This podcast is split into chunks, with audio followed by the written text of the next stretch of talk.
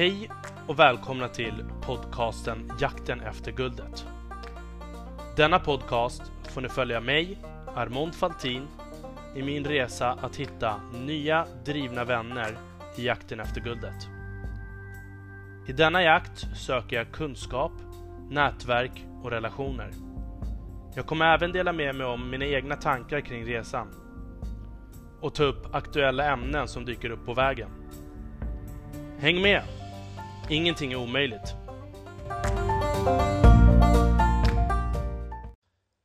Hej allihopa och välkomna till avsnitt 97. Alltså, dagens avsnitt så hade jag tänkt att prata lite om positionering, femwashing och helpwashing. Mitt egna påhitt. Men innan dess så hade jag tänkt att tacka lite för den fina responsen jag fick från det senaste avsnittet med Sail Sal. Alltså herregud.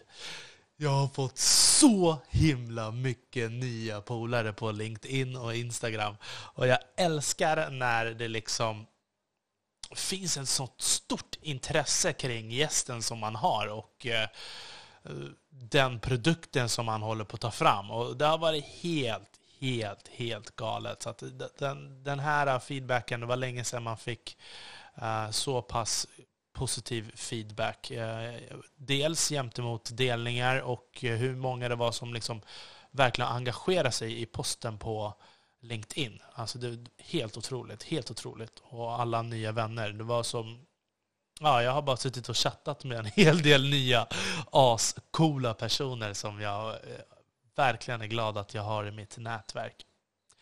Så stort tack för det. Mm, och det här avsnittet så hade jag tänkt att prata lite om, som jag sa innan, positionering. Och det genialiska draget som Breakit gjorde när de la upp en artikel om femwashing. Femwashing är alltså när det finns manliga grundare som säljer en kvinnlig produkt med marknadsför sig själva som att de liksom är Uber. Det bara är kvinnor, men kvinnor äger inte företaget utan kanske bara arbetar på företaget. Och Det här tyckte jag var väldigt intressant dels alltså från flera olika perspektiv. Så nu kommer jag bara spåna iväg här på lite av mina tankar. Men jag minns liksom i början av eh, podden när jag släppte ett avsnitt och så pratade jag liksom lite grann om digitala strategier och hur man kan göra för att skapa diskussion. Och liksom skapa friktion och diskussion. Och här var det ju liksom, då la jag det här exemplet på när Helene Rothstein la upp ett klipp på när Alex Schulman hade sagt att han inte riktigt förstår vad affärsvärlden är. Och att när han hörde affärsvärlden så tänkte han att det skulle handla om saker som sker i affärsvärlden, men så var det en intervjupodd. Och då sa han att han tycker att hon istället ska kalla det för intervjupodd. Det rörde ju upp en massa känslor hos folk för att Affärsvärlden är typ den bästa podden. Uh, men samtidigt så var det en digital strategi från bådas håll. Så att uh, det var ju genialiskt och de har ju faktiskt bytt namn till Affärsvägen Magasin, Affärsvärlden Magasin. Så att, ja, nej men, och jag tror att de har gjort lite grann samma här vad det gäller femwashing. Och samtidigt som det var en sida som klagade på att det inte fanns några kvinnliga grundare och så la de upp lite olika exempel på företag. Och ett av de här företagen var ett företag som heter Estrid. Estrid är ett företag som säljer rakhyvlar till kvinnor. Och jag kommer ihåg när Estrid kom fram, för att de var ju faktiskt också med i Startup Stockholm.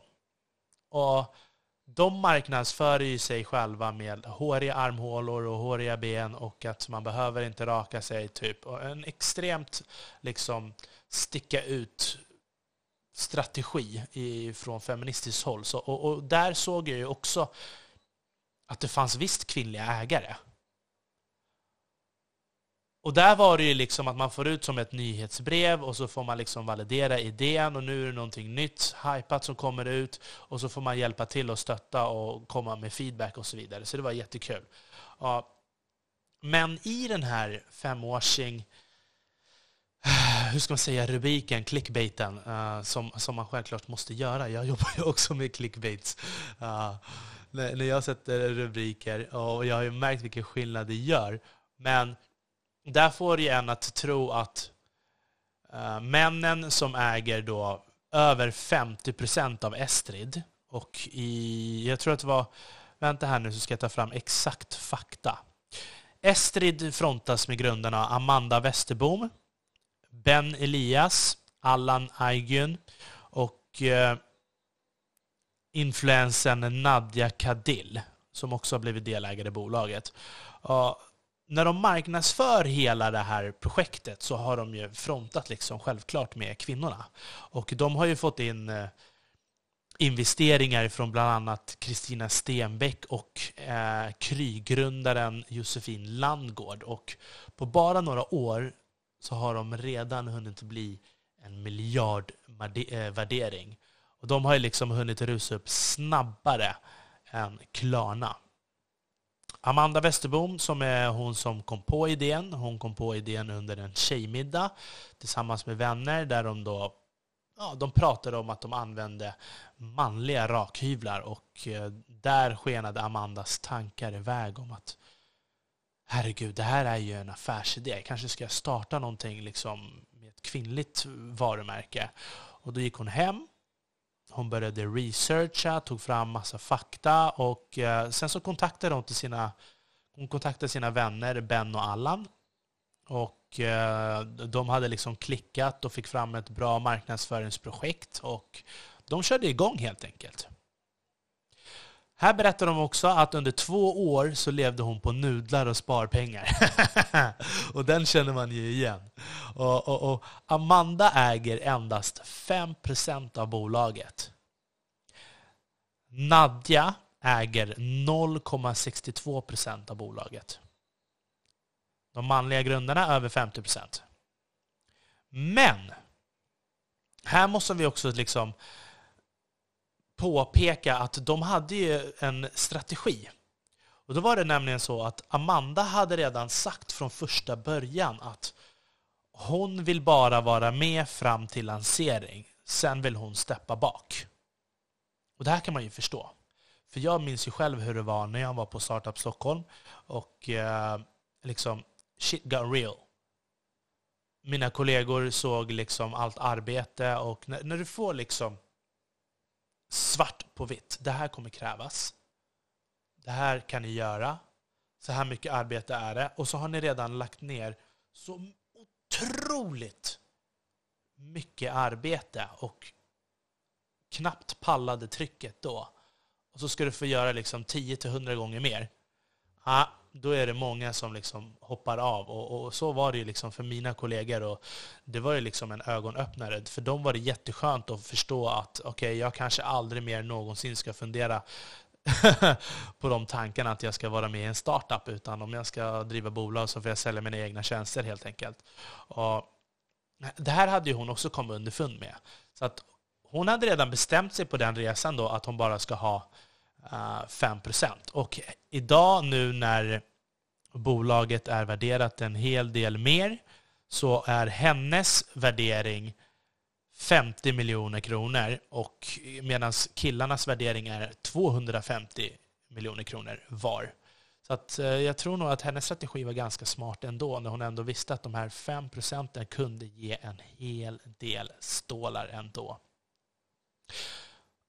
Och så var det ju, det har ju varit en massa så här, det, det vi egentligen tänkte på när det var hela den här karusellen om just femwashing var att det var väldigt mycket influenser i sociala medier som gick ut och skrev massa konstiga saker och nästan typ bashade de här företagen. Och ett av de här företagen som de bashade var företaget Stronger som har tre manliga grundare.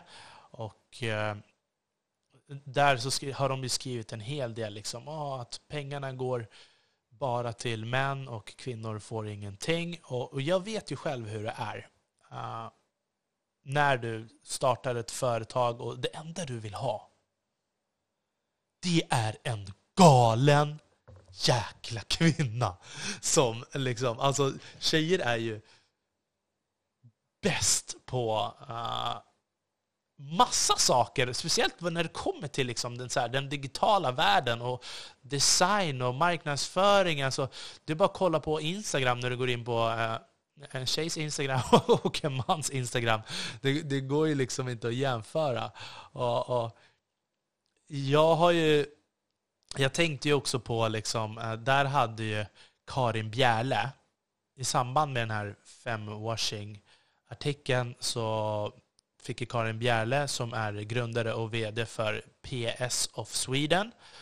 Eh, det är rid kläder, eller vad ska man säga? Det är sadlar, det är dukar och ridsport på, på e-handel helt enkelt. Och, och, hon skrev en otroligt bra text vad det gäller liksom att starta bolag och hur hon bärsade människor som bara gick ut och, och snackade skit om att det faktiskt fanns positiva saker när män hjälper till att försöka pusha och eh, hjälpa kvinnor att få varumärken som de kan identifiera sig med. Och på, just på Stronger så hade ju de 90% anställda kvinnor och en kvinnlig VD. Men Karin Bjerle, hennes citat var ju ganska exakt så här. Att driva bolag handlar inte om kön.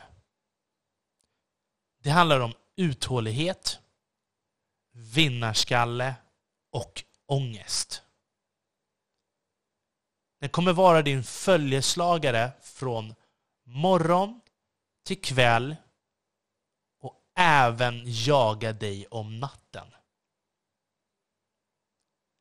Lär dig älska ångesten och bli bäst i världen. ja, alltså det där, det, där, det där tyckte jag var en otroligt bra text. Och, och jag har ju själv så här...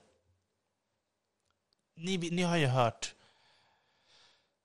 min resa alltifrån första avsnittet till lite längre fram när jag berättar om mig själv, när jag berättar om hur det gick för företaget, när jag förlorade mina partners, när jag letar nya partners, när jag har sagt att jag söker en Lena Arrelöv, hon som var alltså Paolo Robertos ex som drev hans företag. Alltså en riktigt stark, cool, grym kvinna som bara kan vara ryttare och styra den här bångstyriga galna hingsten som inte är lika duktig på struktur, kanske.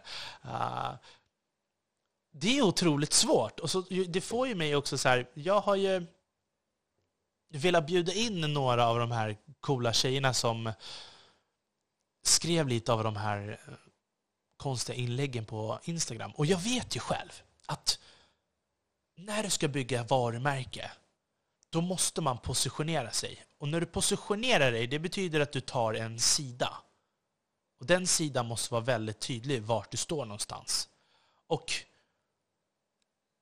när du delar ut budskap eller texter och sånt i dina sociala medier, då handlar det bara kanske 30% om dig själv och 70% handlar om de personerna som följer dig. Och för att bättre förstå din följarskara, då kan du gå in och kolla upp, okej, okay, mina följare gillar att följa det här, de tycker om de här budskapen. Då kan du ganska direkt skriva ner en lista på de olika personan som följer dig. Vi säger att du skriver ner kanske fyra, fem, sex olika persona uh, av vad de tycker om att lyssna på, vad de tycker om att titta på och liksom slagord som de köttar efter. Då skriver du bara ner allting och så är det det du matar ut i dina medier. Det handlar, alltså ofta så handlar det inte om vad du själv tycker och tänker, utan det handlar om vad dina följare tycker om och tänker. Och det är där jag vet att de här coola brudarna som jag, eh, brudarna, kvinnorna, som jag vill bjuda in, men är på grund av en viss retorik så är man lite försiktig Och jag tror att det kan vara både bakslag och jag vet inte, samtidigt som ibland så kan man ju tycka att det blir lite mycket desinformation som sprids. För eh, jag vet själv, eh, bara från mitt håll och eh, många vänner som jag känner som har bolag som liksom, de söker alltid duktiga kvinnor för att en man kan inte tävla i så många olika områden.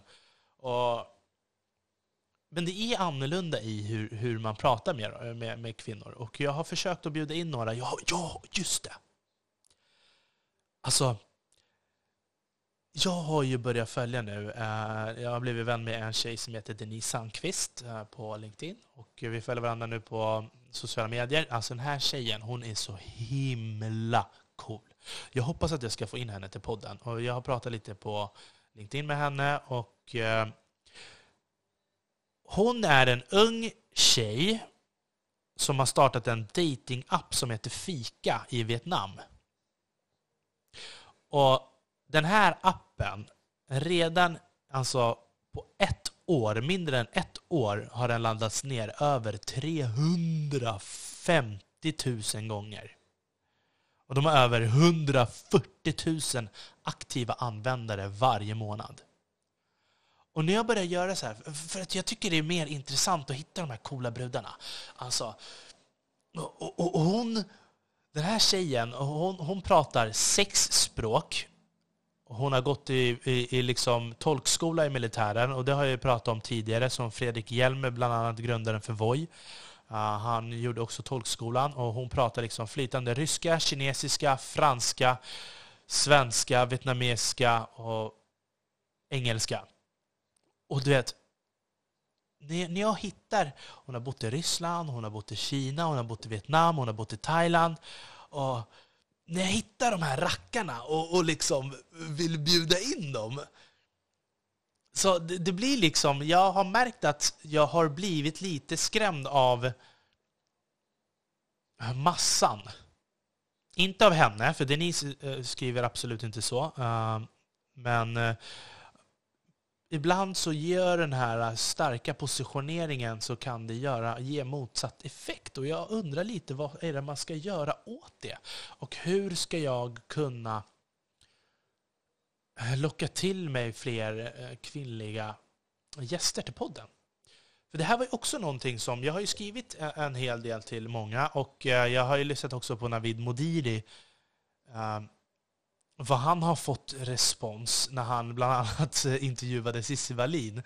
Och eh, Cissi Wallin berättade vad hennes kompisar hade sagt om Navid. Liksom han ville få in en gäst till hans podd. Och så helt plötsligt hade han blivit kallad obehaglig för att han vill bjuda in en gäst. Liksom helt professionellt forum eh, där han vill få hennes röst att bli hörd. Och jag känner att det har varit lite svårt. Det är därför jag har bett er också att hjälpa mig få in Ellie Avram. Eh, den här coola svenska tjejen som är skådespelare i Indien. Hon har eh, två Netflix-filmer nu och hon har varit med i massa filmer i, i Indien och i Bollywood. Ascool. Allt från actionfilmer till kärleksfilmer och följer man henne på Instagram så ser man hur hårt hon köttar på. Och jag gillar de här udda korten som eh, tar sig an världen, som man inte liksom ser i det vardagliga svenska influencer-världen, eller vad man ska säga. Men det, har varit, det är svårt helt enkelt, och retoriken är helt annorlunda i hur, hur, man ska ta sig an där. Så att jättegärna, om jag har några kvinnliga lyssnare, hjälp mig att berätta hur, hur kan man uh, bjuda in folk utan att vara för på och utan att det ska bli massa missförstånd. Uh, och sen så var det ju också ett till ämne som jag tänkte på vad det gäller just det här med femwashing. För jag tyckte att det var en väldigt bra clickbait och det skapade en stor debatt bland väldigt många och när man väl går in och läser noggrant så ser man att det bara var en clickbait för att liksom, det var ganska utjämnat och bra där i i artikeln och det fanns visst kvinnliga grundare och eh, vissa väljer att ta stor plats och vissa kanske väljer av ekonomiska skäl eller om man har startat det tillsammans med sin partner att den ena jobbar mer och den andra jobbar mindre. Eh, vi delar ändå på pengarna. Eh, man kan ha avtal och kontrakt och sådär sinsemellan. Och, och, men jag har ju liksom hela tiden sökt efter en grym partner som man kan bolla lite tankar och idéer med. Och, och det som har varit nice, jag sa ju också det till Silo Sall, um, senaste avsnittet att han borde gå in på Antler, för där har de liksom personer som lägger upp en personprofil och så säger man vad det är man är duktig på och vad det är man är öppen för, om man vill vara medgrundare av någonting eller om man söker en medgrundare. Och där finns det också hur många coola tjejer som helst. Men så jag måste också lägga upp en, en profil där. Men vad kan jag egentligen? Jag har ingen expert som fasen alltså. Det. Folk är så duktiga. Man blir ju liksom skrämd av folks fina texter och noggrannhet. Och jag vet inte riktigt. Man får, jag får släppa på det här. Jag märker att jag är alldeles för feg och jag har fegat alldeles för mycket. Men eh, mm, där måste jag steppa upp lite mer. Skriv gärna in till mig vad ni tycker och tänker. Och, och just det, och, och det, det, som jag pratade om tidigare också vad det gäller Silosals Sals eh, avsnitt var ju att jag pratade om det här eye scanner som eh, då ska scanna av ögon i kontroller och se om man är berusad eller inte. Eller har tagit någonting annat. Och eh, jag skulle vilja höra någonting om help washing. Och help washing är ju ett eh, begrepp som jag har kommit på själv. Uh, när man skapar AI, olika artificiell intelligens som liksom är till för att hjälpa människan, säger man, men egentligen så kanske den bara gör mer skada än nytta. Och då tänkte jag också bland annat på Wild Faces eh, som ska lära sig eh, människans uttryck inne i fängelse för att det är liksom högintensiva eh, situationer som sker. Och, men de här funktionerna är ju funktioner de man sen ska applicera ut i samhället. Och vad kommer ske då när man helt plötsligt måste gå runt och vara stoneface? Du får inte vara ledsen, du får inte vara glad, du får inte vara överexalterad.